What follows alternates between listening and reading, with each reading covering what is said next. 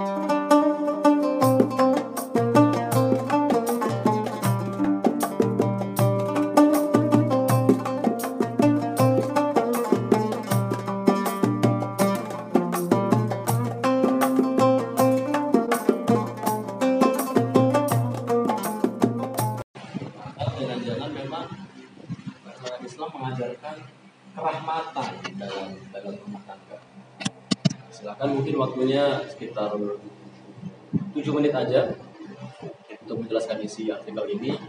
Bismillahirrahmanirrahim. Assalamualaikum warahmatullahi wabarakatuh.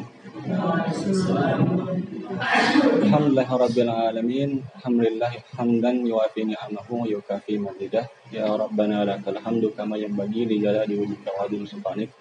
Rabb subhanaka la ilma lana illa ma 'allamtana innaka antal alimul hakim.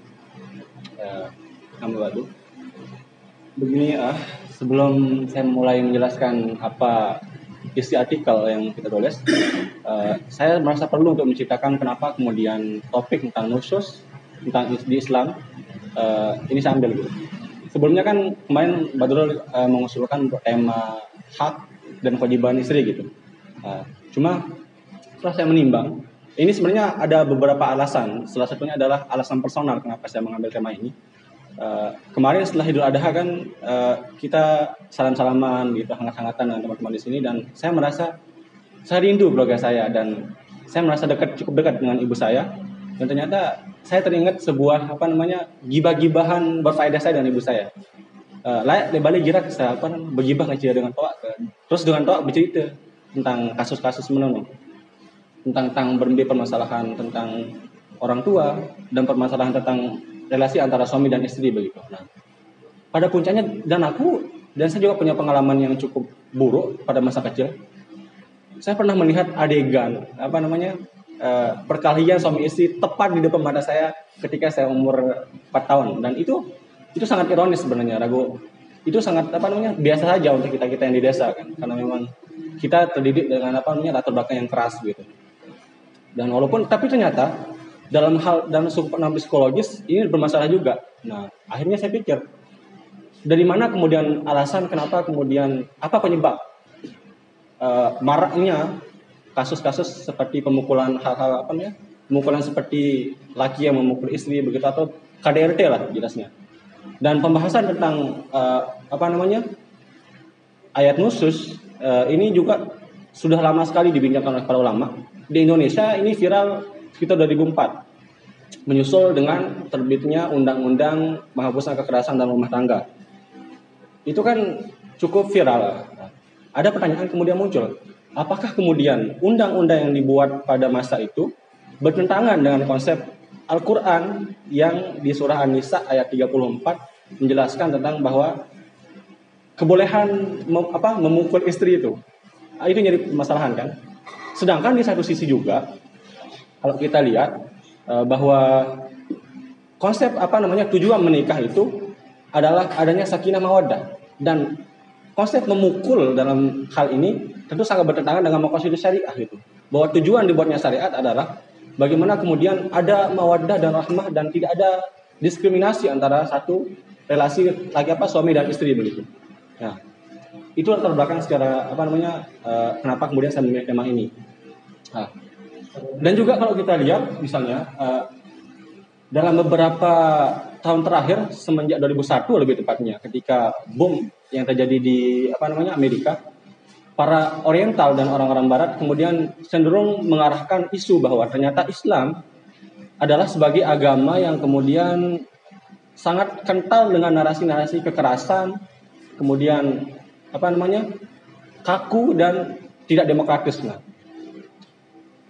itu kemudian apa namanya bukan hal yang kemudian tanpa alasan. Karena kalau kita lihat kemudian apa namanya eh, beberapa alasan kenapa Islam dikatakan sebagai agama yang melegitimasi kasus, kasus kekerasan adanya ayat-ayat Al misalnya contoh nih satu adanya ayat-ayat Al-Qur'an yang kemudian terkesan me- memberikan apa namanya pemahaman bahwa ayat-ayat perang contohnya kan ayat-ayat tentang jihad ayat-ayat hukum yang berbicara tentang portfolio potong tangan kemudian ayat-ayat hukum yang berbicara tentang rajam itu sungguh uh, kalau dalam sudut pandang orang yang mengerti hak asasi manusia sangat tidak manusiawi dan mengarah pada apa diskriminasi begitu. Nah, terlepas dari itu, uh, itu kenapa kemudian penting kita lihat bahwa apa sebenarnya tujuan turunnya ayat Quran surat An-Nisa ayat 34 ini.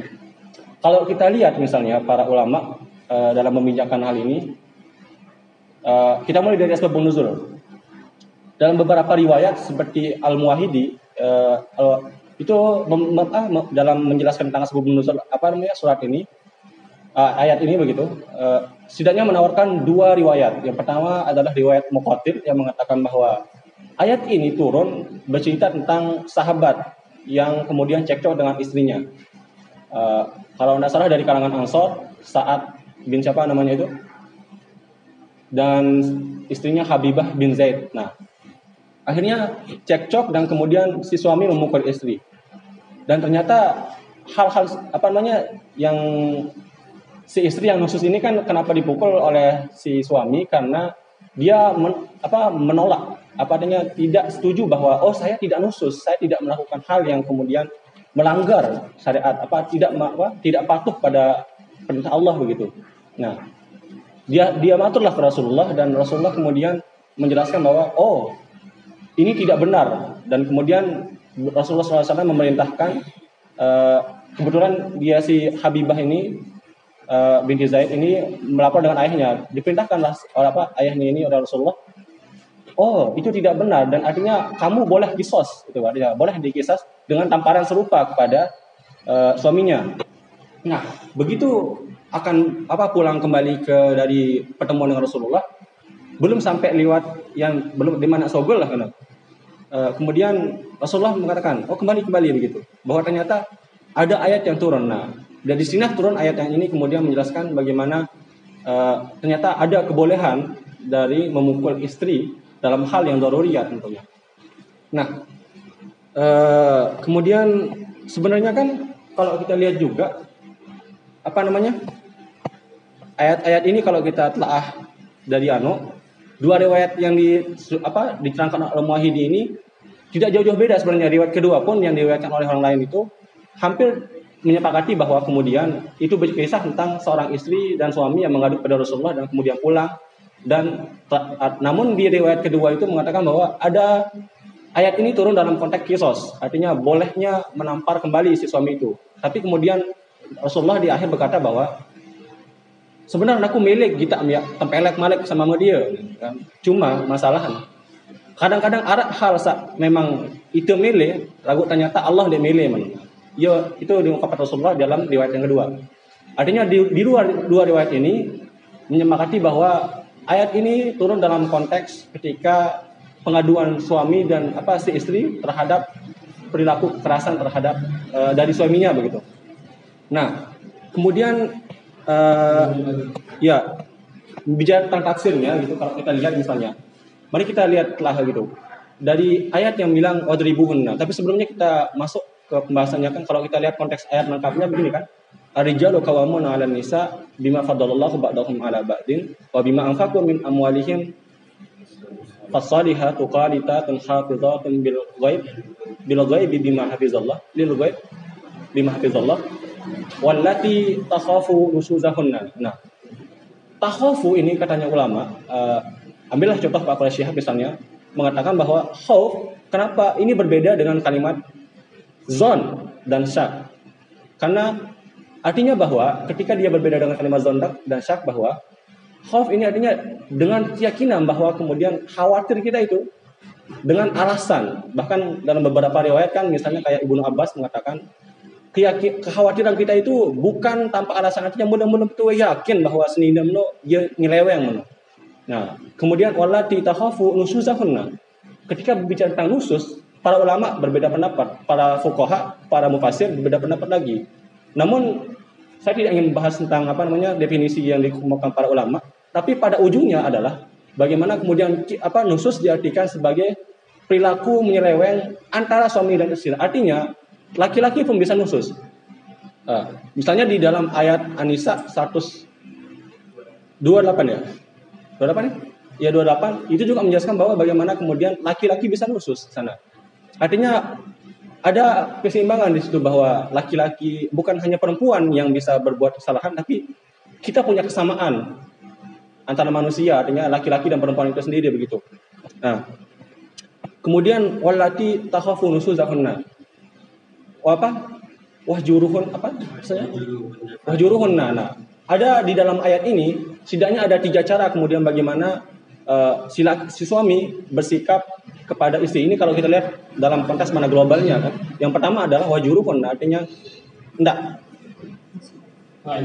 faizuhun. Dulu artinya nasihati dulu dengan baik. Nah wa'azah ini bukan artinya menasihati dengan cara yang tidak baik. Artinya uh, bukan kemudian kita nasihati di depan umum kemudian tidak kita nasihati di depan anak-anak. Artinya mudah-mudah pengarawas lah. Angka kan dalam beberapa kitab apa ulama uh, salaf itu ketika ingin berbicara tentang bagaimana kemudian menasehati istri, maka yang disunahkan adalah apa yang diajarkan adalah jauh untuk dalam balik dan ngomong empat mata. Meni ya? Iya, uh, meni masalah ini. Artinya empat mata. Artinya tidak ada intervensi lain dan tidak sampai menurunkan harkat seorang istri ini loh. Uh, pada mana manusia lah semua manusia kan punya apa dan arogansi sendiri sendiri gitu ada tipikal dengan itu dapat data lah tegur sih dengan pasti agak emosi lah. Itu naluri manusia sebenarnya. Nah kemudian cara kedua umur tegur katanya di apa di surat ini wah juruhun katanya. Wah juruhun nafil mataji artinya jauhin jauhin elek ranjangnya. Di sini bukan maknanya kemudian sampai harus pisah balik atau kemudian yang tendok di luar menurut enggak. Maksudnya hanya sekedar membalikkan uh, badan. Intinya tidak ber bersetubuh lah. Itu secara gampangnya beberapa ulama menafsirkan gitu. Nah, kemudian munah menun dan apa dan cara kemudian kita apa kalau sudah syarat ke satu kemudian cara kedua ini yang menjadi masalah problem. Wadribuhunna katanya perang pukullah nah.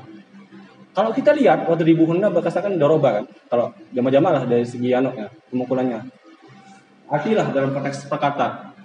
Cuma kemudian para ulama menjelaskan bahwa pemukulan ini uh, kalau kita lihat perlu dilihat dari konteksnya bahwa pertama kita harus tahu dulu bahwa kondisi masyarakat pada masa itu pada masyarakat jahiliyah kena tampok yang irup doang manusia pada saat ini nanti syukur kan kalau kita lihat misalnya dalam beberapa riwayat perempuan pada masa itu di dianalogikan sebagai sebuah aib keluarga gitu karena orang Arab pada masa itu menganggap bahwa yang penting dari keturunan itu adalah bagaimana kemudian mengangkat harkat martabat keluarganya atau kaumnya begitu.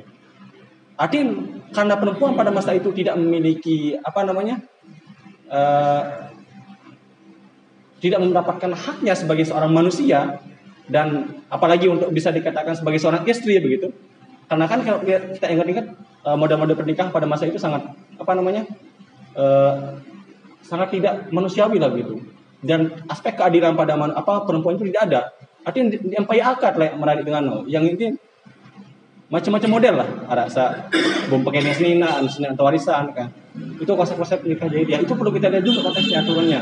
Artinya ada aspek maslahat bahwa ketika hubungan suami istri itu uh, aspek dari bukunna ini dalam penafsiran ulama kemudian dikatakan dia artinya ada batas-batasannya di sana. Yang jadi masalah adalah kemudian apa bagaimana kemudian barometer memukul yang di apa diinginkan Al-Qur'an. Itulah kalau kita ambil kesepakatan bahwa Al-Qur'an memang menginginkan memukul gitu.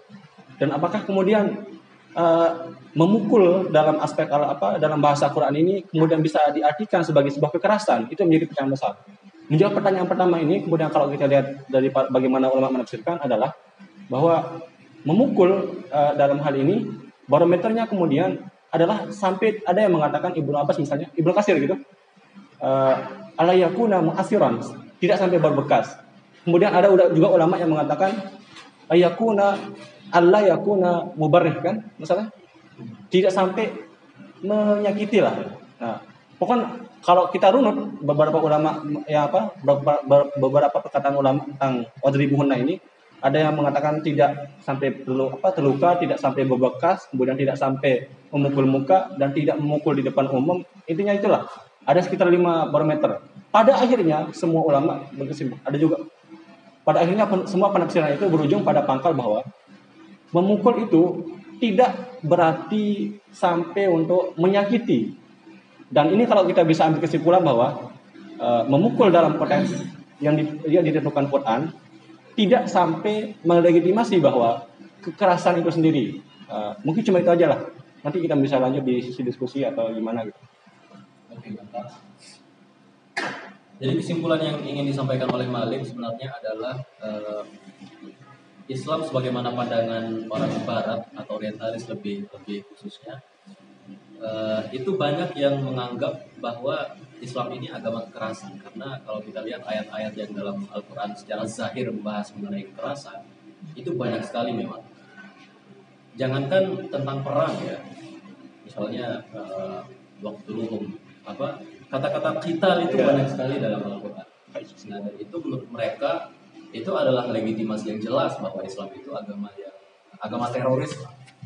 Seperti yang disampaikan oleh Malik tadi ada bom tahun 2001 di Amerika itu maksudnya bom BTC kalau teman-teman nah beritanya banyak sekali ini itu kan Osama bin Laden. Intinya teroris yang mengebom itulah intinya nah mereka para teroris itu kan mendasarkan pendapat mereka Al-Quran kan?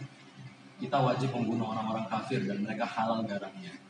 Nah ini dalam bagian perang. Dalam bagian keluarga ada lagi ayatnya. Salah satunya adalah wadribuhun tadi pukullah istrimu. Nah inilah ayat-ayat inilah yang membuat Islam terkesan buruk di pandangan uh, pandangan orang. Tapi tadi kita sudah dijelaskan bahwa uh, dalam penggalan ayat wadribuhunna itu aja banyak sekali tafsiran-tafsiran dari uh, para ulama. Itu yang paling penting adalah Quraisy juga dalam perempuannya di bukunya itu membahas ini dan persis sama kayak tadi bahwa uh, wahjuruhunna itu bukan berarti pisah rumah atau pisah ranjang, tapi sekedar membelakangi tempat tidur aja itu sudah bermakna wahjuruhunna. Karena wahjuruhunna itu uh, bukan hanya berarti hijrah dalam makna yeah apa namanya berpindah dari satu tempat ke lain tapi hijrah kalbu juga bisa berarti hijrah juga dan dalam hal rumah tangga hijrah juga dapat berarti membalikkan badan saja. Karena wajar apalagi ini kan bergedekan kan. Itu mungkin ya saling kabur bergedekan ya kan. Nah maka wajar kena balik. Nah, baru waktu ribu baru uh, baru lamun di bawah ribu ada ayat yang paling langkah terakhir. Kemudian ayat no kirimlah hakamam min ahlihi wa hakamam min ahliha kan? Iya. Jadi arah arah langkah preventif lah anu uh, Islam nih jadi kan nih ini uh, pernikahan yang baik. Ini pernikahan yang buruk. Berbicara pernikahan yang baik yaitu eh, silahkan menuju kepada nilai-nilai seperti sakinah mawadah warahmah. Adapun ada permasalahan di dalamnya, maka silahkan menggunakan fa'izuhun.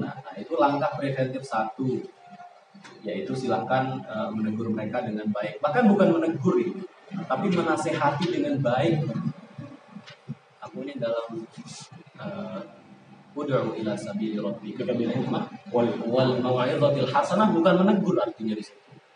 Tapi menasehati dengan baik, mengajak dengan baik. Nah, dalam hal ini juga istri mengajak istri untuk uh, berbicara, menurut, menurut para psikolog modern ya ajak mereka bicara karena dialog no lebih lebih membuat suami istri menjadi lebih intim menolak. Nah kira-kira inilah kalau dilihat dari tujuannya maka Islam sangat tidak menganjurkan untuk yang namanya memukul seperti yang uh, kita pahami gitu. Endah lamun dengan kata-kata memukul nih aku aja maksud memukul dan berbeda batasan memukul kan berbeda ya misal aku nanti memukul kadu palu masih memukul aran anu kan? Memukul kado ime dah uh, memukul lara masa masa? Nah, ini ketika ini lanjut nih kesimpulan ah. aku nih. Nah iya. Jadi perbedaan ulama terhadap pemukul nih. Nah jadi karena perbedaan ulama ini perbedaan penafsiran ini nah itulah masuk uh, apa namanya orang-orang yang uh, apa namanya berkesimpulan bahwa memang memukul ini tidak berarti Islam harus bersifat diskriminatif terhadap perempuan. Intinya kalau kita ingin melihat ayat-ayat keras seperti ini, stop dulu karena ada banyak penafsiran yang menganggap bahwa eh, ayat ini itu tidak keras. Dan kalau dilihat dari ayat-ayat lain yang lebih umum dan muhkamat maka Islam adalah agama yang rahmat. Bahkan dalam hadis itu kan jangankan memukul dan uh, faizuhun bahkan talak itu sendiri dibolehkan tapi abu ghadhun apa abu ghadul halal ilallah ilallah ya Iya, ya. Abdullah saking saking tidak apa namanya saking jangan kau bermasalah lah gitu. Nah, intinya ini masalah, ini nilai sakinah mawaddah warahmah, silahkan menuju ke nilai-nilai itu. Jangan kau ke situ. Kalau memang ada misalnya nusyus dan lain-lain, boleh tapi lebih baik jangan lah. Karena walaupun boleh sebenarnya karena ada masalah, tapi sangat tidak sangat tidak di sangat tidak di boleh tapi dibenci lah abghadul halal ilallah at Nah, itu kira-kira mungkin ada eh, tambahan atau pertanyaan eh, dalam kasus ini terkait nusyus. Coba baca ayat sa nusyus untuk mama no? Oh iya, oh ini maaf. Wa ini mra'atun khafat min ba'liha nusyusan aw iradan terus?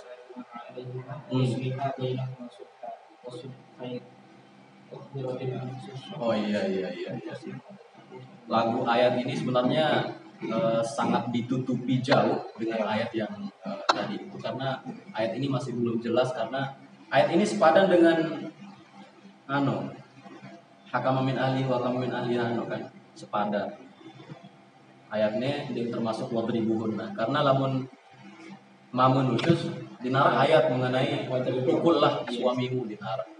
Nah, ia menunjukkan bahwa ada suatu tanda kutip pilih kasih terhadap mamu Islam ini. Ini pandangan pandangan pandangan luar sebenarnya.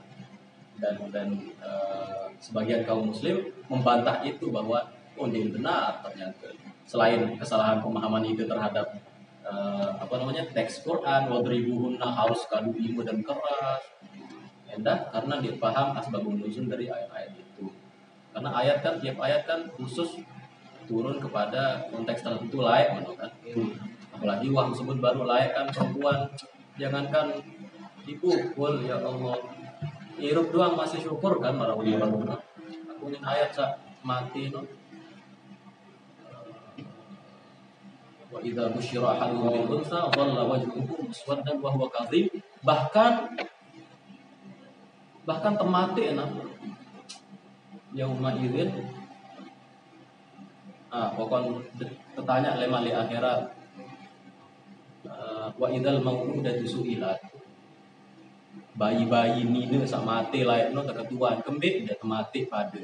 Jadi keadaan nina masa lalu lamun terbandingan kan cik ayat-ayat ini ayat miros misal dua banding seke sangat wajar. No wah beli ganti mau layak nina jadi eh, dalam salah satu pembahasan ini menolak pembahasan menolak pendapat dari eh, Malik baru bahwa kesimpulan ini sebegitu diskriminatif kok eh, Islam ini.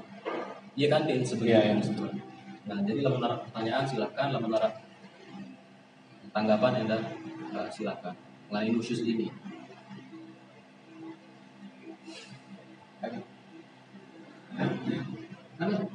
Yo, teduk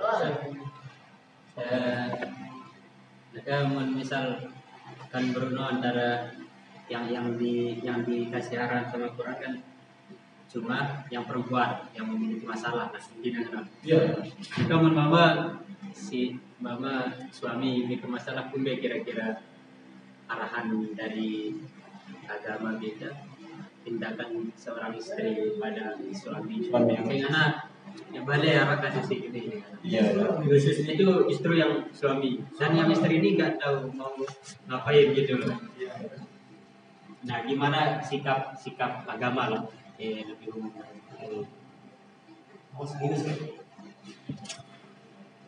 Satu aspek penting sih sebenarnya ketika relasi antara suami istri sebenarnya.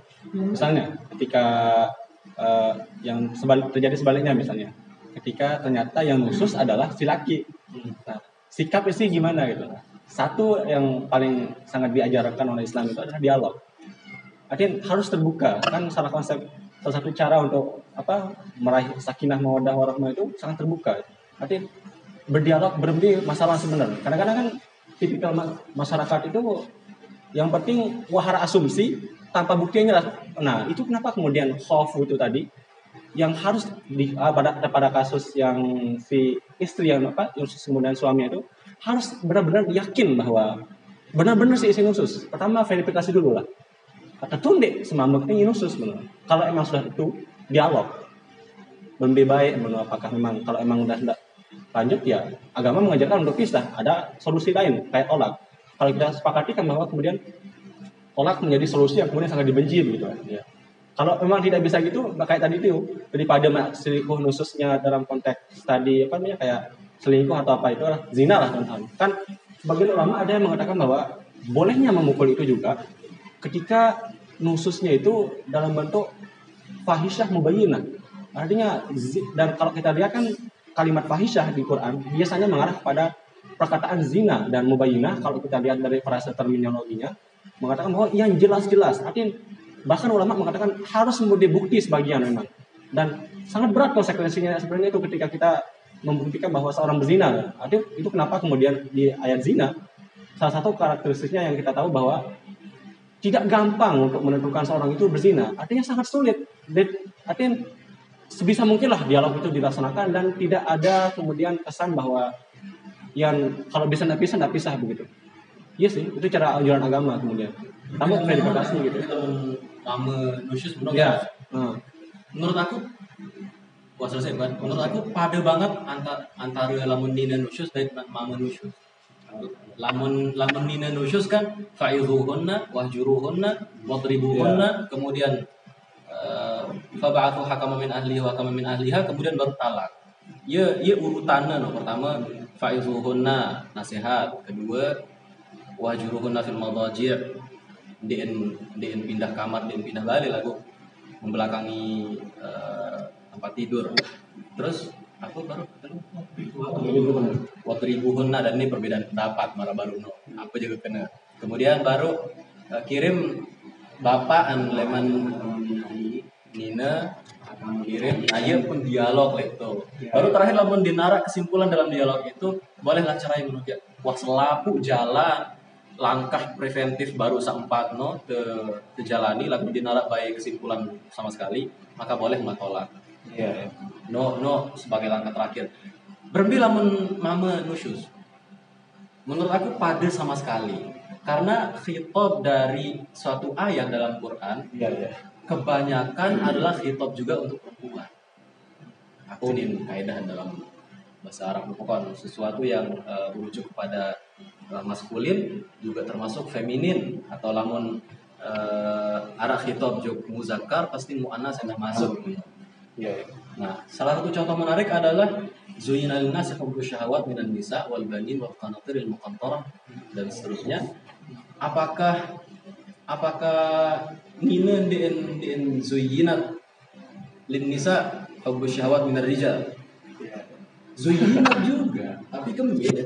Ya karena pada masa pada zaman Arab yang masih patriarkis waktu itu, cocok ayat-ayat yang turun adalah ayat-ayat tentang eh, ayat-ayat tentang laki-laki. Nah, dan banyak sekali ayat-ayat lain yang menunjukkan bahwa sebenarnya hukum antara Nina dan Mameno eh, pada, walaupun berbeda dalam khitab ya. Khitab Mame gua lagu eh, apa Nina tidak termasuk. Karena lamut membedakan itu, itu jelas akan bersifat diskriminatif terhadap perempuan. Misal lamun mame nusyus beda, lamun nina nusyus beda. Ini kan jelas diskriminatif. diskriminatif. Lamun nina aja kanggut pukul, lamun mame aja oh dendek dulu. Serahan juk hakim atau eh, aku nih ayat sabarno wasul khair dan lain-lain. Itu yang dialog dulu. Enggak dialog lamun mame nusyus aja. Lamun nina kanggut untuk untuk dia adil bang ninja. Nah, iya sih belum ada. Kalau kita lihat juga pas Jawa ribu itu katanya Quraisy begini, eh, bukan artinya kemudian memukul dalam pandangan kita seandainya kado ime, kado menela, enggak. Katanya doroba itu mengarah kepada gini. Ada ulama yang mengatakan bahwa ada yang memukul dengan siwak, gitu. sebagian ada yang. Nanti yang sa- sampai kemudian bahasa itu saya hayalatil lah, yang sampai memukul dengan tangan, main kasar gitu, enggak. Itu kemudian anu, itu yang lebih kepada peringatan kan ya, ya. intinya berhenti itu baik. seperti apa dalam hadis itu kan anak kecil umur umur enam tahun dia jadi sembahyang buat ribu Iya. Nah, Dia dia memukul apa keren? Memukul dalam kesan untuk mendidik mana keren. Soal kamu nih, walaupun memang kayak apa namanya hamka itu memberikan kan di tafsir al azharnya mengatakan bahwa kebolehan memukul itu bukan berarti kemudian dianjurkan oleh Quran itu sendiri. Ragu kemudian ini menjadi solusi pada posisi poligami lah. Kan kalau kita belajar psikologi misalnya kan, ada memang tipikal watak dengan dengan sa, kalau anda mana anu lah bahasa bahasa guru lebale kan mana watak sa- hewan sampi lah. Dan dapung di lampak no. Artinya nah dan tadi ada tipikal kan kadang-kadang dan, ini kemudian fungsi Al-Quran ragu apakah memukul seperti itu? Enggak? Artinya ini berbeda negor no ampah entah bahkan cara apa pun entah yang marautin no kan pertama tentang nasihat dulu nasihatan dipukul juga. Karena tradisi Arab masa dulu kan memang sangat keras dengan Arab kan. Mau sekedar ngempuk untuk biasa aja kan berjawaran ya kan konteksnya iya sih mudah Gak bermasalah sih eh, ayat-ayat sama Ramadino dipahami oleh masyarakat itu ya sebagai apa yang kita sebut sebagai suatu kesalahpahaman. Misal Wadribu kena iya sih berdalil dengan dengan balik kan bahwa bukan Marah kan? Gara-gara nusyus doang, sedangkan nusyus doang ditonarti kan? Iya jadi iya jadi dalil. Jadi iya iya, iya penting kan ayat ini untuk dibahas. Adin saat ke implementasian beli balik sebenarnya. Adin saat cuma bahas-bahas doang terus eh, jadi nasihat perkawinan terus kanggo pukul senina padahal kan sesuai dengan ruh yang diajarkan Islam. Para Malik Mary bertanya atau menanggapi? Ya,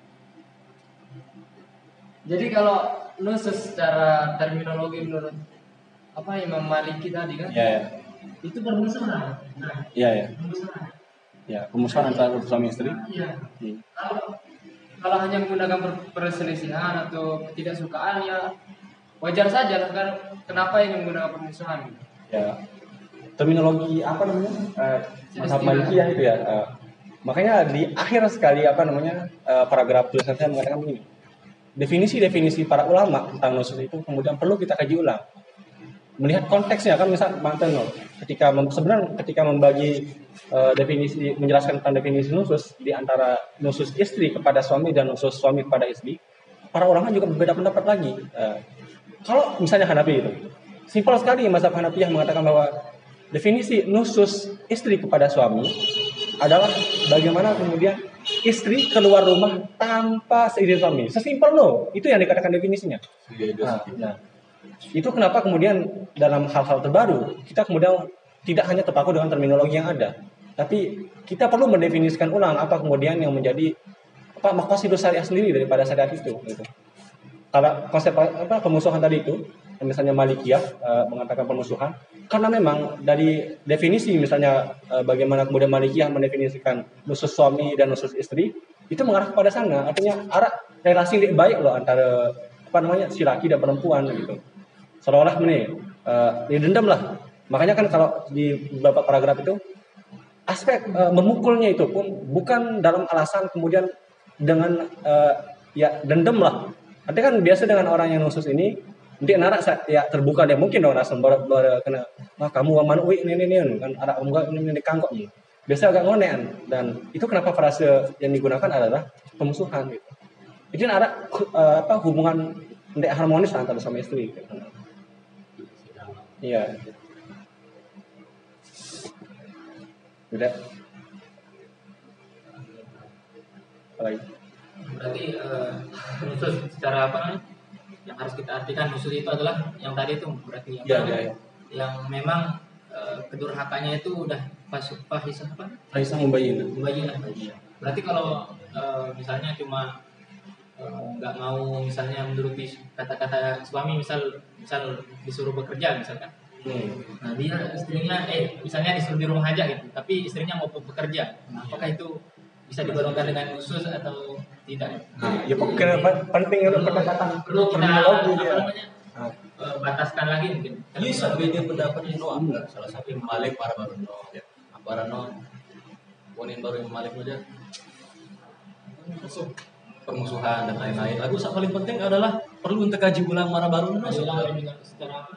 nusyus nu misalnya Apa sih? Mana batasan-batasan? ya jelas sit, sit akui syarat syarat nusyus ini kan lagu perlu batasan-batasan nu kan ditahan misal Mar Imam Hanafi sa- sangat membagongkan baru Ya, sekedar cuma keluar rumah nusyus aran dan kanggo Wah, nusus istri ya, nusus istri iya. Berhenti. Ya, maksud apakah Islam akan se sekeras itu maksud?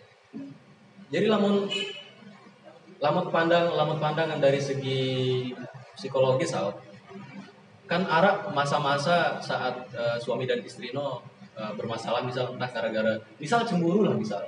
Cemburu buta misal. Cek-cek, misal cek. Ah, misal mama lah masalah mama eh, dekat kan ce ya, dekat sih cuma misal apa no bersosialisasi kan ce nino lain mama lain apakah no termasuk nusyus atau ndik iya sa iya sa tahu anu sih aja Kan dilematis loh dan apakah itu berhak untuk me- membatasi B searah nusyus atau B sa ndik Iya. Karena mana ya konteks lain. Menurut kita eh, kenapa ketika ulama-ulama mendefinisikan nusus ini eh, kita lihat dulu sosiologis masyarakat pada masa itu berbeda.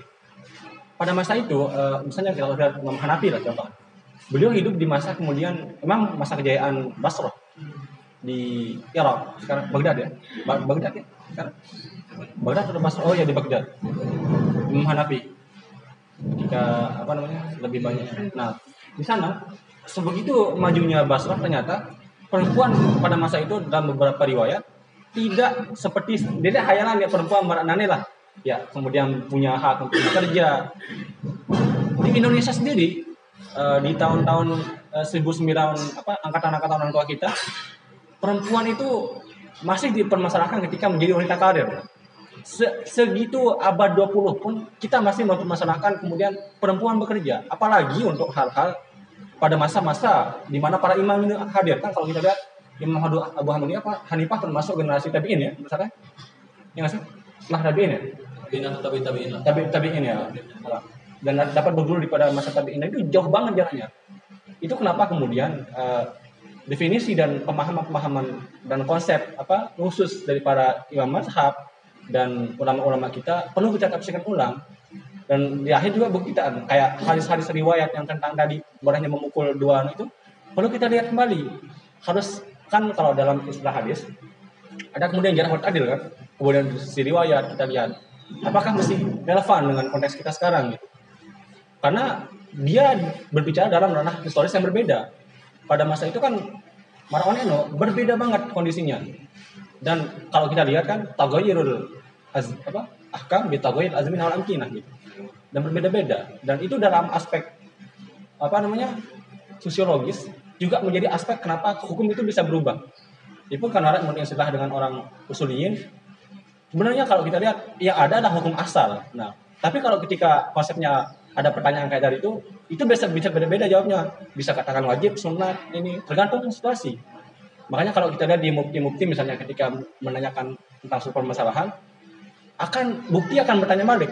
Detail sekali. Berbeda sebenarnya apa posisi masalah itu kenapa kemudian kan kita termasuk kalau kita lihat kajian studi Islam itu masuk dalam rumpun humaniora.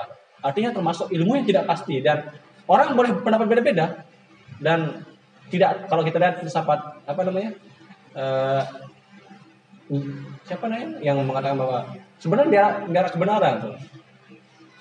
Ya, kebenaran itu dalam perspektif kita doang. Iya, ya. Ini sih ujung-ujung bar. Apa mereka tentang definisi khusus no, kan? Iya.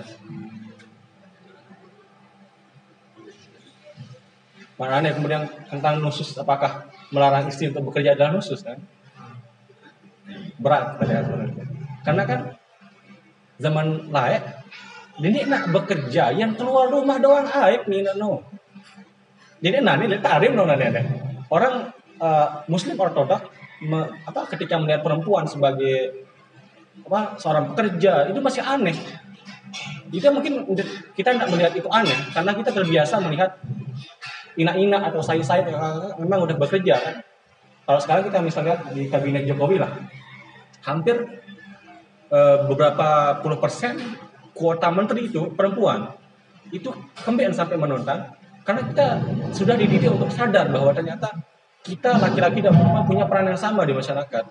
Nah, itu berimplikasi juga pada pendapat hukum. Nah, harus tahu lah kita kita. Kalau itu tergantung kesepakatan laki-laki. Dan kalau tapi gini loh, kalau dilihat dari konsep ayat tadi itu misalnya kan di ayat apa di awal-awal ayatnya bilang Ar-rijalu qawwamun 'alan nisa ba'dhum 'ala ba'dan. Ba'din kan. Dalam konteks ini yang dikatakan rijal dan nisa itu tentu bukan secara umum, tapi kata apa namanya? Toba-tobai di tafsir mizannya bilang bahwa Ar-rijal dan eh, ani, apa? Anisa ini dalam rumah tangga aja kan, dalam hal berumah tangga. Dan itu ternyata Prof. Quraisyhab juga mengatakan bahwa dalam hal ini kemudian laki-laki lebih dominan akan menjadi pemimpin kan?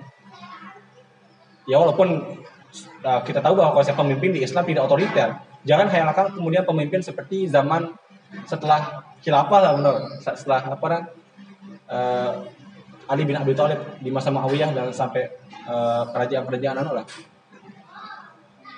Agak panjang Malik ceritanya ini. Oke, udah melenceng ke nusyus. ya Mungkin pendapat masing-masing terkait nusyus. Jadi nusyus no intin adalah sejenis pembangkangan lagu intin dalam konteks modern adalah arah masalah dalam rumah tangga misal eh, misal pembahasan mengenai karir misal Nina milih milih berkarir work from office lah misal kalau untuk kantor misal aku setuju dengan mama nih nah baut pandangan nusyus lah dalam hal itu nah, namun menurut batur-batur sekalian nusyus marah seperti itu apakah harus di apakah istri harus menaati suami?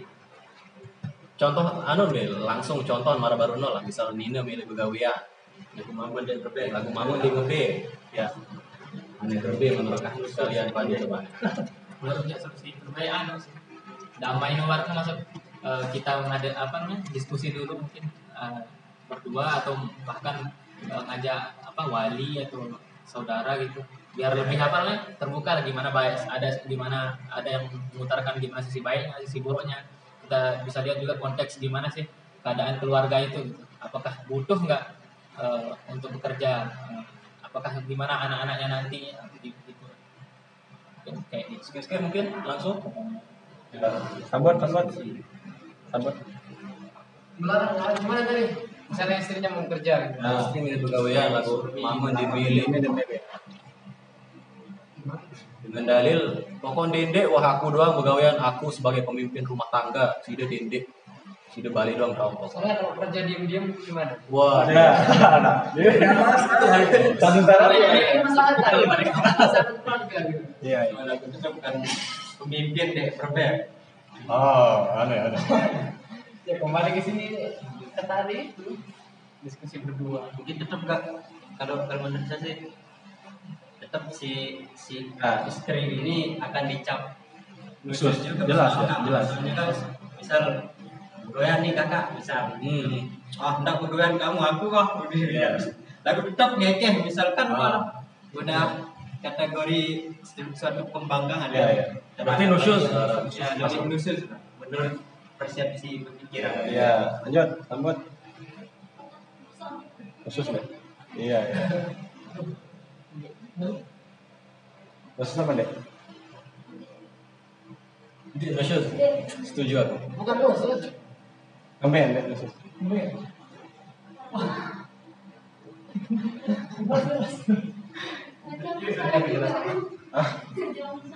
Nah aku masalah apa nih. Aku coba deh Tapi enggak ada dulu per, enggak ada perselisihan kan? oh dulu ada sak baris kayak juga wah selesai deman apa? Kemudian kan menentang. Enggak menentang. Iya. gitu. Tapi di barang nusyus dulu di barang nusyus harus sepenjelas masalah masalah barang nusyus baru no kan konteksnya menentang. Terus sida nentang mau menentang jadi khusus. Masalah misalkan dia begawean tanpa sepengetahuan suami Ndek, ndek. Milih begawian. dia begawean oke saya. Suami nih kebe semua ke bank Hmm. pertama bahwasanya memang seorang laki-laki itu kewajibannya kan untuk menafkahi istrinya. Sedangkan istri tidak tidak ada kewajiban untuk menafkahi suaminya. Tapi kalau misalkan bisa bekerja sama itu boleh saja. Tetapi bagaimana kalau seorang istri bekerja kemudian dilarang suaminya tentu dikatakan bisa dikatakan Aku tidak setuju saran. Kenapa? Kenapa? Karena nusyus itu sendiri, nusyus itu sendiri kan masih diperbolehkan ulama gitu kan. Tapi ini kan ter- terjadi kesepakatan di sana. Intinya semua perdebatan itu bahwa pembangkangan suami atau pembangkangan istri terhadap anak. Kalian sudah sepakati nusyus no qat'iyyu thubut wa dilalah. Ya. Walakin ma ma'na nusyus? Ya. Wa ma dhawabit an-nusyuz dah. Nah, itu perbedaan si para ulama. Nah, apa aja ambil batasan nusyus-nusyus nih? Apakah milih begawian nina kemudian dilarang? Apakah termasuk nusyus? Sedangkan nane hak untuk termasuk hak asasi manusia itu dalam apa namanya duha Declaration Universal Declaration of United Nations itu hak untuk bebas bekerja, hak untuk berpendidikan dan lain-lain. Jadi lamun arak dengan melarang, entah itu bapak ansa lebih atas dalam pandangan itu saat timur, no bapak sangat menguasai termasuk wali mujibir kan. Wah baca suatu artikel ya no magdalene.co. Jadi perempuan no dalam pandangan Italia Timur termasuk Indonesia, Timur Tengah dan lain-lain, Nina no sebagai suatu ne Nina nih, ne Nina, ne mama. Entah mama ini dalam bentuk eh, bapak, ia sak terus melarang dia kanggu sugul lebih dari jam balu, dia dan lain-lain, karena nani libus dan lain-lain entah setelahan setelahan engkah engkah ber, berdaya kekuasaan bapak nani pindah job Apa? semamun. Semamun malik kan mengekang istri jadi perempuan no perpindahan dari suatu kekangan ke kekangan yang lain. Nah nanti lamun bahas nusyus malik itu seakan-akan mendukung bahwa Nineno selalu akan dikekang. Entah oleh bapak entah oleh eh, suami Eh untuk bekerja yang merupakan hak dia sendiri et larang demi model. Nah, Ar-rijalu qawwamun 'alan nisa yang dipahami sebagai pemimpin dalam arti walaupun di enak dan itu Keluarga, keluarga. Ada, ya. Lagu dalam arti pemimpin harus memiliki nia memiliki keputusan terakhir. Ya. No ja iya satu perbedaan oleh ulama dan menurut Ekbem satu istishhad salah satu contoh Agus Mustafa dalam salah satu bukunya tentang poligami walaupun aku uh, Ekbem senina menjadi pemimpin dia misal yang ngurus eh, ekonomi keluarga dan lain-lain ya silakan. Dia menjadi pemimpin dalam hal itu.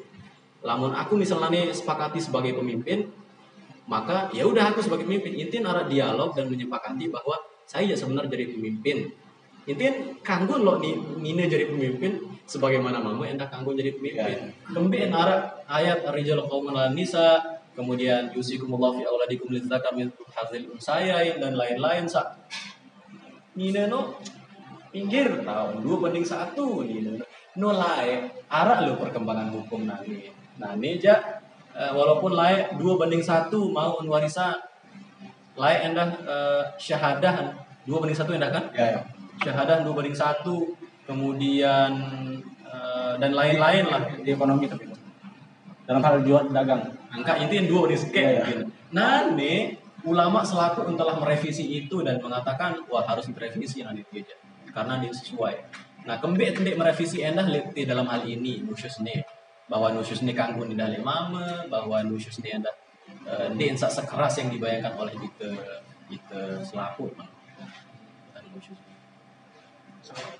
arak suatu anu intinya sih emang keras sih lagu. Arak suatu perkembangan hukum itu bahwa layak meni hukum nanya mungkin beda hukum. Marak unin sida kutip baru tagoyur ahkam di tagoyur azbina walakin. Ya mungkin beda pendapat. Dapat ya. Tentang kesan khusus tuh perlu dan sangat jelas sekali kita tahu dulu bahwa apakah kemudian eh, ketika tadi konteksnya si istri yang ingin bekerja kan kalau tolak balik Mas Andrio. Kan ada kesepakatan loh. Oke, kalau kita bangun dari argumen bahwa kalau kemudian yes suami sebagai anu lah eh, pemimpin dalam keluarga dengan dengan Salah. ya. Kalau kita bangun dari sana kemudian dengan bahwa alasan bahwa suami lebih apa namanya laki- laki-laki dalam pandangan psikologi misalkan lebih apa namanya eh, tidak terbawa emosi emo- emosi gitu kan.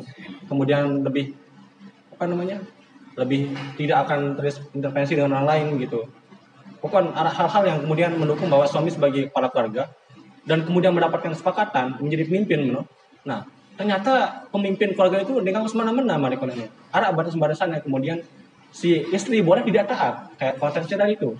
Kalau saya mengikuti suami misalnya kayak tadi itu dalam konteks tidak boleh bekerja ragu nih dia anak penghasilan sama aja bunuh diri dong dalam konteks no ada solusi lain talak. Kalau kan konteks ini talak itu mubah ketika kemudian tidak ada kesepahaman antara istri dan suami itu boleh mubah kalau kemudian ada mudarat itu udah beda lagi hukumnya harus selesai kan dari aspek maslahat kalau pernikahan no. karena kan tujuan mer- merari itu sebenarnya inti benar-benar dan sakinah mau ada orang ya inti terlepas kalau ada kemudian hal-hal yang menghalangi kepada sana wah ini cocok no. kalau emang tidak ada penyelesaian kayak tadi itu alur-alur tadi itu loh kayak diskusi modem ini wah Bang soal dia anu kan mungkin ada sis dan ngapak doang kan. Wah ada maslahat sebenarnya tuh sama aja pada marah konsep-konsep cinta seakan apa kan maksa ya. Ini, ini putus gara-gara apa lah menurut kan. Itu sebenarnya yang cocok. Kalau emang yang cocok ya udah selesai sih. Berarti tergantung konteksnya berarti. iya iya. Sangat anu harus detail di tahun. Kalaupun kemudian perempuan boleh menjadi pemimpin misal harus ada pertimbangan dulu. Apakah kemudian keputusan saat apa kan dalam hal konteks media tentu relatif banget kan? Bisa jadi kemudian argumen si wanita lebih unggul daripada misalkan aku begawian ragu mungkin kalau misalnya nih contoh umpama lain lah dalam kasus lain. Si suami pertimbangan sampai dia begawian kamu diam tahu sana kamu demi ini kita anak kan saya apa kan ya berdua betul lah dia terus. Nah lo aspek masalah tuh? Ah, ada kebaikan bahwa kemudian kewajiban si istri yang mendidik anak itu atau kalau kita katakan bahwa kewajiban suami istri ragu tentu peranan istri lebih penting sana. Karena yang punya apa cara menyusui apa inilah apa? Ah ya yang pakai menyusui susu ah, itu payudara itu kan cuma si istri gitu Ah, dalam konteks itu keputusan suami lebih benar Ah. dan Iya iya iya asli itu asli sorry sorry asli. Dia itu benar asli lah. Kan laki-laki tidak punya asli kan. Dan kalau dia dalam apa? Hmm.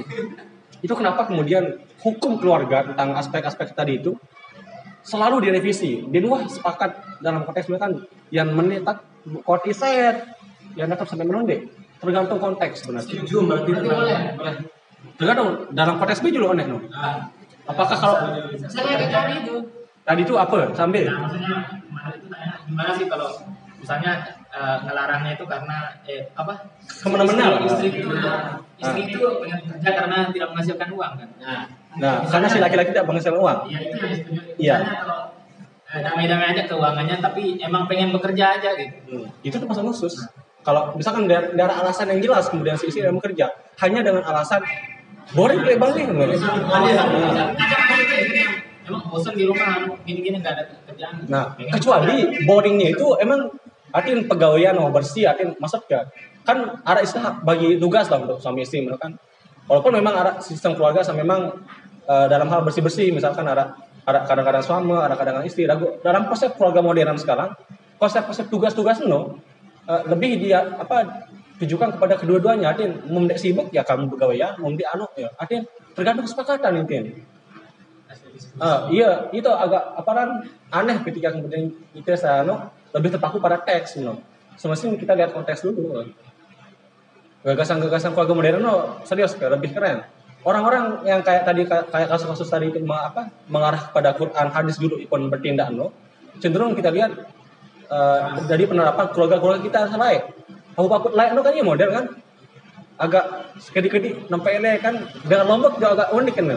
tradisinya orang Lombok itu berbeda banget dengan orang Arab. Orang Arab itu punya tradisi ngomongnya banyak tapi kadang-kadang ya ja- jarang. Misalnya contoh nih begawean sekedik nih apa begawean nu itu ini lebih demenang raus kowe lagu misal bersiap lah nih raus lo dulu ipun ngempuk itu demenang ngempuk dulu ipun ngerawas kan itu agak langit itu deh no. Judul nih menaik ngerawas dulu timbangan apa ya dialog no. Jadi khusus itu tergantung kondisi lah jadi. Ya, ya.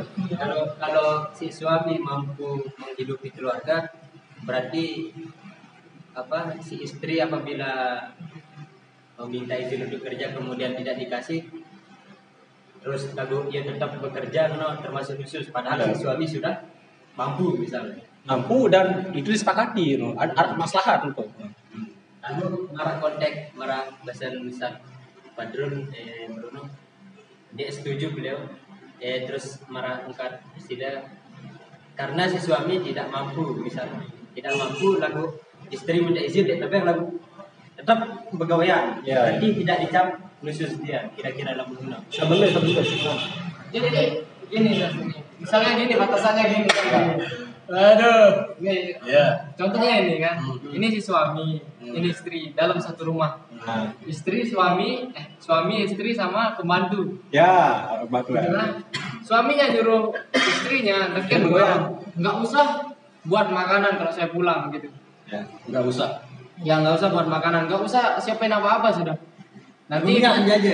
nanti pembantu yang nyiapin, pembantu yang Iya, iya. satu ya kan. Nah, Nah, ini contoh, kan. contoh. Terus pembantunya sakit, Ah. pembantunya sakit nggak ada di rumah. Hmm. Nah, Oh, suaminya iya. pulang, suaminya pulang, terus dia yang masak. Oh, Nah, hudutnya gini. Ah. Kalau si suami marah kepada istri tetap marah, walaupun disiapin tetap marah, maka itu nusus. Nusus. Enggak dong enggak ini ada oh bagus sebelum sebelum kecuali kamu bisa nyuruh uh, ini belum Dede selesai. masak. Nah, terus, terus. Belum selesai kan? Hmm. Ya, ya kan udah dilarang kan istrinya udah dilarang. kan. Nah, di ya dijelasin sama istrinya, emang gini pembantunya pembantunya gini, Oh, gitu, ya, ya. dijelasin. Ya. Tapi tetap marah, Nah. gitu karena nggak terima. itu si laki-laki yang nusus bukan si istri Sehingga saat Iya, dia tapi menurut saya ini yang nusus ini kalau ada persisian di, sa- di sana. Tapi kalau kalau kalau nggak ada si suami setuju, itu nggak apa-apa nggak apa-apa gitu. Ya itu bukan nusus. jadi mana dia nanti ya kena gak Bruno yang nusus berbeda kan Bang? Ya itu masalah batasan batasan gitu kan. Iya. Mungkin itu yang dikatakan nusus. Mungkin nusus nusus ibadah itu bukan nusus nusus istri tapi suami. Nah, kan mau barang mana? Nusus nggak dulu bisa terjadi di suami, bisa terjadi di istri model. Kalau contoh nusus suami lah contoh. Imam Hanafi sangat ya Allah lagi Hanafi dia bilangnya gini, nusus itu nusus suami kepada istri adalah dengan cara dia sekedar membenci si istri gitu. Yang meri dan berusaha lah piti celah. Nah, iya cukup loh jadi ya nusus uh, suami no. Sesimpel loh definisiin. Ketika kemudian si suami yang meri mising kan dan tahanan lah, dia nemen kita lah. Kemudian Nah, itu layak no, definisi layak. Dan kita perlu lihat kembali apakah termasuk no.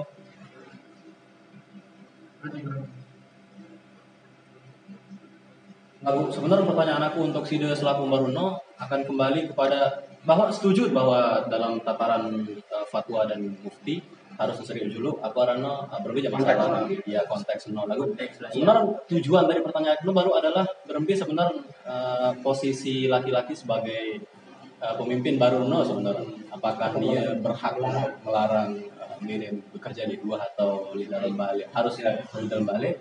Milik menekankan bahwa seberapa jauh hak laki-laki dalam melarang si istrinya itu untuk bekerja sebenarnya. Nah, ya, aku mengatakan ndin bau sampai tekaran nusyus, ini sampai di eh, luar, sengan sak mame, ndin ndin berhak sebegitu jauh untuk melarang eh, istri untuk bekerja tanpa dialog dulu. Ah, ya. Iya kan? Menurut apa dialog dulu? Oke, aku sepakat. Nah, bahkan si dia setuju karena pendapat aku bahwa kepemimpinan laki-laki ndin sejauh yang kita bayangkan. Iya, iya, iya. Nah, iya, iya milik anu. Soal mana? nih? Taat kepada pemimpin no. Oh, dia biasa aja milih pegawaian entah yang wah wah selesai pegawaian atau ndik lamun tetap ngelarang lamun itu pendapat bahwa laki-laki kawamun ala nisa tetap teparan nusyus bahkan di kita bahkan di kita eh, keadaan ekonomi kita masing-masing konteks dan lain-lain eh, angkat perlu untuk kita konteks dan perlu untuk kita bahwa pemimpin laki-laki ini ini maksud pemimpin pemimpin ini berhak pada akhirnya untuk memutuskan.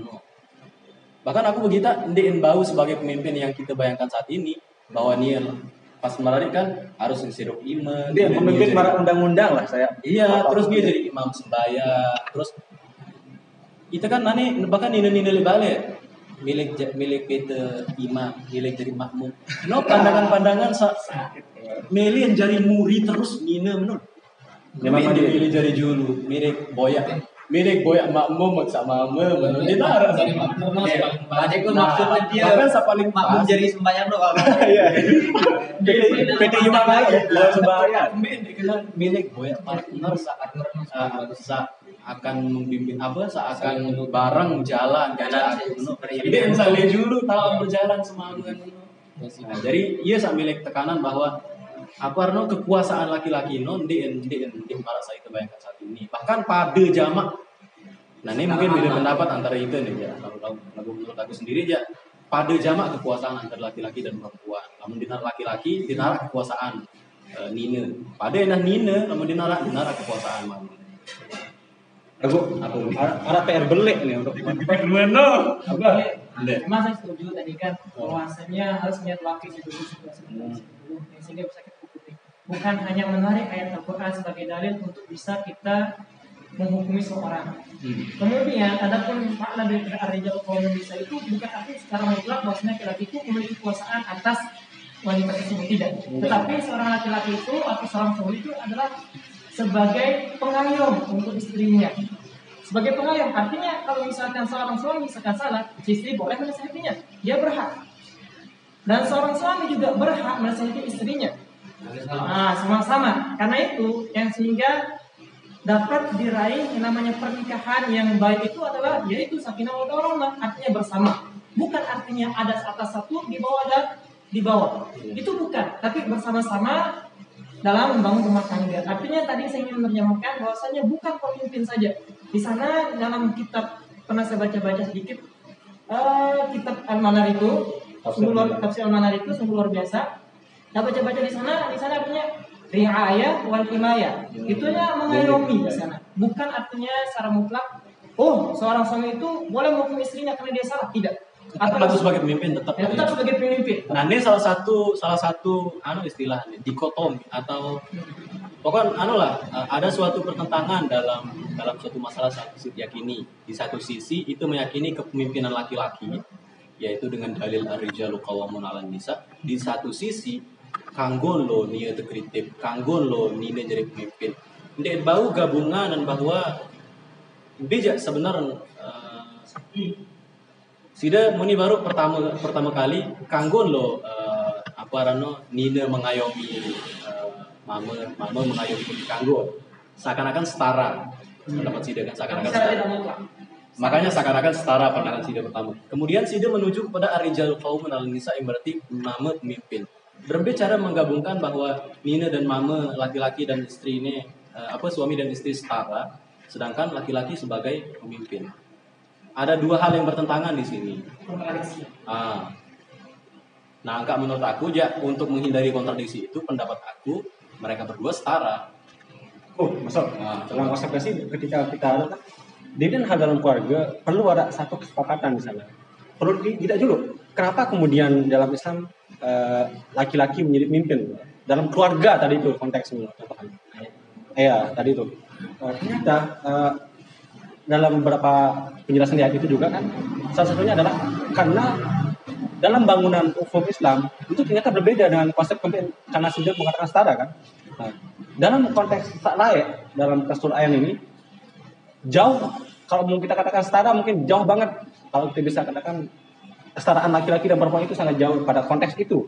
Nah, bangunan hukumnya implikasinya daripada keadaan masyarakat pada masa itu adalah adanya harus ada penentunya itu loh eh, di ayahnya itu pentingnya. Nah, dan kalau kita lihat taat seorang istri kepada suami itu bukan mutlak, bukan seperti taat kita kepada Tuhan. Setuju banget. Karena ketaatan kita kepada suami itu berikat dengan ketaatan kita kepada Tuhan. Andin di anak nenek, dia perlu taat suami itu, itu konsep kan? Kan gini dalam bahasanya apa literatur Islam itu bilangnya gini. Ketaatan dari ke kita ke si istri kepada orang tua itu kan di, salah dipindahkan gitu loh. Dari ketaatan eh, si istri kepada laki-laki ketika dia menikah. gitu. Nah, kenapa?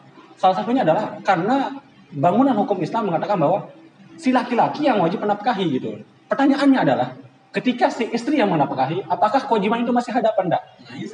Nah, Ini konsekuensinya jadi. Kalau misalnya si istri yang eh, menafkahi, apakah kemudian kok si istri harus selalu gitu? Jadi pemimpin nggak? ini, ini ada kasus menarik nih misal eh, mama ndin mau anu misal gagal ikut ASN misal tes CPNS gagal misal terus Nina sudah bekerja work from home dari rumah eh, apa rano entah entah dari komputer dan lain-lain. Freelance. Freelance. Writer atau desainer dan lain-lain. Itu kan wah freelance apalagi jutaan lah. Kan dihitung per per proyek kalau salah per proyek. Jadi Arak mau kepeng sekitar ya minimal 3 juta per bulan lah, nu sangat cukup untuk satu kelu- keluarga. Nah, berembi cara eh, menafsirkan ini apakah hanya dengan eh, perempuan apa rano bisa menghasilkan uang segitu tetap menjadi bawa karena dengan dalil arijalu qawmun 'alan nisa bima faddalallahu min amwali apa? Wadahum ala ba'd. Wabima anfaqu min amwalihim. Nah, ini, ini penting nih.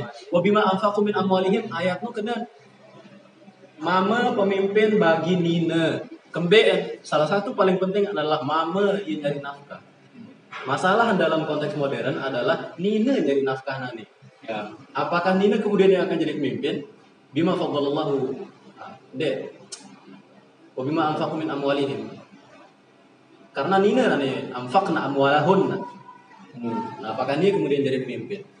Nah, angka iya kena angka baru berkesimpulan bahwa ya nu pada antara Nina dan mama dia. Entah eh, mama ya berpenghasilan ya silahkan tetap jalan keluarga dengan dialog. Namun Nina berpenghasilan ya tetap jalan dengan dialog. Jadi dia tetap kadu arijalu kaum alam nisa tetap dari zaman Arab dulu turun ayat ini sampai nani Bisa jadi kemudian Anissa ukawamu dan Rijal bisa jadi. Gitu. bisa jadi. Karena anfaqna amwalahunna ala usratihinna kan Dia setuju dong. Kesetaraan itu secara tidak mutlak. Artinya ada kesetaraan tapi tidak secara mutlak. pertanyaan adalah eh, misalnya nih Nina sebagai penghasilan sumber penghasilan keluarga mama gagal tes CPNS dan tidak tidak bekerja Artinya tidak apa ya, seakan-akan pertanyaan itu ingin membalik suatu wacana bahwasanya nih, orang nisa itu sebagai pemimpin. Tapi tetap saya tidak setuju bahwasanya memang seorang wanita boleh menghasilkan uang kemudian menafkahi eh, untuk menafkahi keluarganya boleh, tidak ada masalah. Tetapi dengan masalahnya adalah ketika kita membolak-balikkan, artinya seakan-akan bahwasanya nisa itu kalau udah menafkahi seorang suaminya itu sebagai pemimpin tidak, secara tidak mutlak. Tetapi kesetaraan sini saya maksud adalah bekerja sama bisa menafkahi suaminya oke. Tetapi kalau misalkan antara suami dan istri paham tentang kewajiban dan haknya, tentu tidak ada kebenturannya di sana. Tentu ada dialog juga yang tidak sehingga tidak ada ada bentuk dalam sebuah pernikahan. Itu saja saya mengatakan bahwasanya suami istri relasi suami istri itu memiliki kesetaraan tetapi tidak secara mutlak. coba pertanyaan Sak Baruno dijawab dulu coba Sida bermain perangan Sida terhadap misal aku nanti beli senina Hmm. aku gagal CPNS tes CPNS jadi udah penghasilan berarti Hmm. sedangkan aku beli senina dan eh, sebulan lalu aku menari Berarti seorang Nah, Senina dua bulan yang lalu bahkan sebelum aku merari, wah jadi freelancer, wah berpenghasilan. Dia menafkahi aku kira-kira malam jadi masalahnya apa? Ah, menurut Sida, apakah boleh dia menjadi pemimpin? Karena dalam ayat yang ayat yang Sida pakai tadi Ah. eh, bima afakum min amwalihim, Mama menjadi pemimpin karena dia menginfakkan hartanya. Nah ini dalam kasus aku, Nina men- menafkahkan apa? eh, menginfakkan hartanya untuk aku. Jadi Sidi itu membawa ayat bahwasanya menafkahi itu sebagai pemimpin kan? Iya, karena ayat yang Sida kutip tadi itu. itu makanya Ah. Anda mengatakan bahwasanya ketika seorang menafkahi berarti dia sebagai pemimpin. Menurut saya bukan hanya ayat itu saja yang dipandang bahwasanya bisa dijadikan seorang pemimpin. Oke. Karena kenapa? Karena menurut saya bagaimanapun seorang istri misalkan penghasilan tetap seorang suami memiliki kewajiban untuk menafkahi istrinya. Kalau misalkan dia tidak mampu bisa bekerja sama. Artinya tetap seorang suami itu mengayomi seorang istrinya. Tetap sebagai pemimpin di sini. Karena saya berpendapat dari tadi bahwasanya tidak secara mutlak, tetapi ada kesetaraan tapi tidak secara mutlak. Ingat ya, tidak secara mutlak. Tapi ada kesetaraan, artinya baina baina. Ya emang begitu dalam bangunan fikih kita selama ini. Nggak ada yang mutlak. Fikih klasik sampai sekarang kebanyakan yang digunakan adalah mama sebagai pemimpin. Bahkan di dalam apa namanya organisasi-organisasi itu, bahkan di dalam tubuh NW sendiri, Arab uh, dikanggu menjadi pemimpin gara-gara Nina Nina. Kan. Ah. Nah, masih kado loh pandangan-pandangan saat Nina dikanggu jadi pemimpin, Nina dikanggu jadi bahkan pemimpin publik, para organisasi NW, Nina dikanggu jadi pemimpin dalam rumah tangga, selalu menjadi dibawa dengan dalil ayat-ayat sa, sa sebenarnya dipahami itu. Iya, iya. dan dengan dalil-dalil saat turun pada masa ratusan bahkan ribuan tahun yang lalu. Kan dan berbeda eh, dan eh, dengan dengan nanti. Nah, lamut anu lamut apa rano lamut eh, menemukan masalah-masalah yang modern saat ini langsung ngebuka anu nane misal ketua si masyarakat tahu berbeda hukum nane tuan guru langsung ngebuka al mu'tamad asy-syafi'i ribuan tahun yang lalu niru. Sedangkan nane berduit masalah-masalah sa- sangat rumit dan sangat berbeda dari masalah-masalah yang lalu nah menurut sik yakini yaitu kaum kaum progresif kaum kaum Dek, berarti sebenarnya den den den istilah yang keren sebenarnya lagu aku sangat menyetujui pandangan-pandangan kaum kaum itu kaum progresif para kaum berkemajuan. Bahwa sebenarnya hukum-hukum syarat di dalam fikih fikih ini fikih ini sebenarnya nisbi istilah. Fikih terbangun atas dalil zonni dalil zonni artinya baun berubah dari suatu hukum-hukum hukum yang lain layak meniru hukum dan beda hukum. Ya kena zonni dan hukum-hukum ini bangunan fikih-fikih ini saya sampai nanti datang sampai nanti itu nih dia model. Dan nanti kaum progresif dan berkemajuan no melihat ayo kita bongkar bangunan-bangunan fikih klasik ini sak mendiskriminasi perempuan et ubah jadi fikih sak memang ramah perempuan.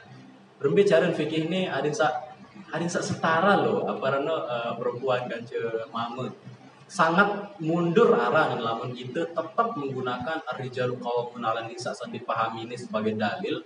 Sedangkan Nina nani setara bahkan jauh lebih eh, lebih pintar dari itu.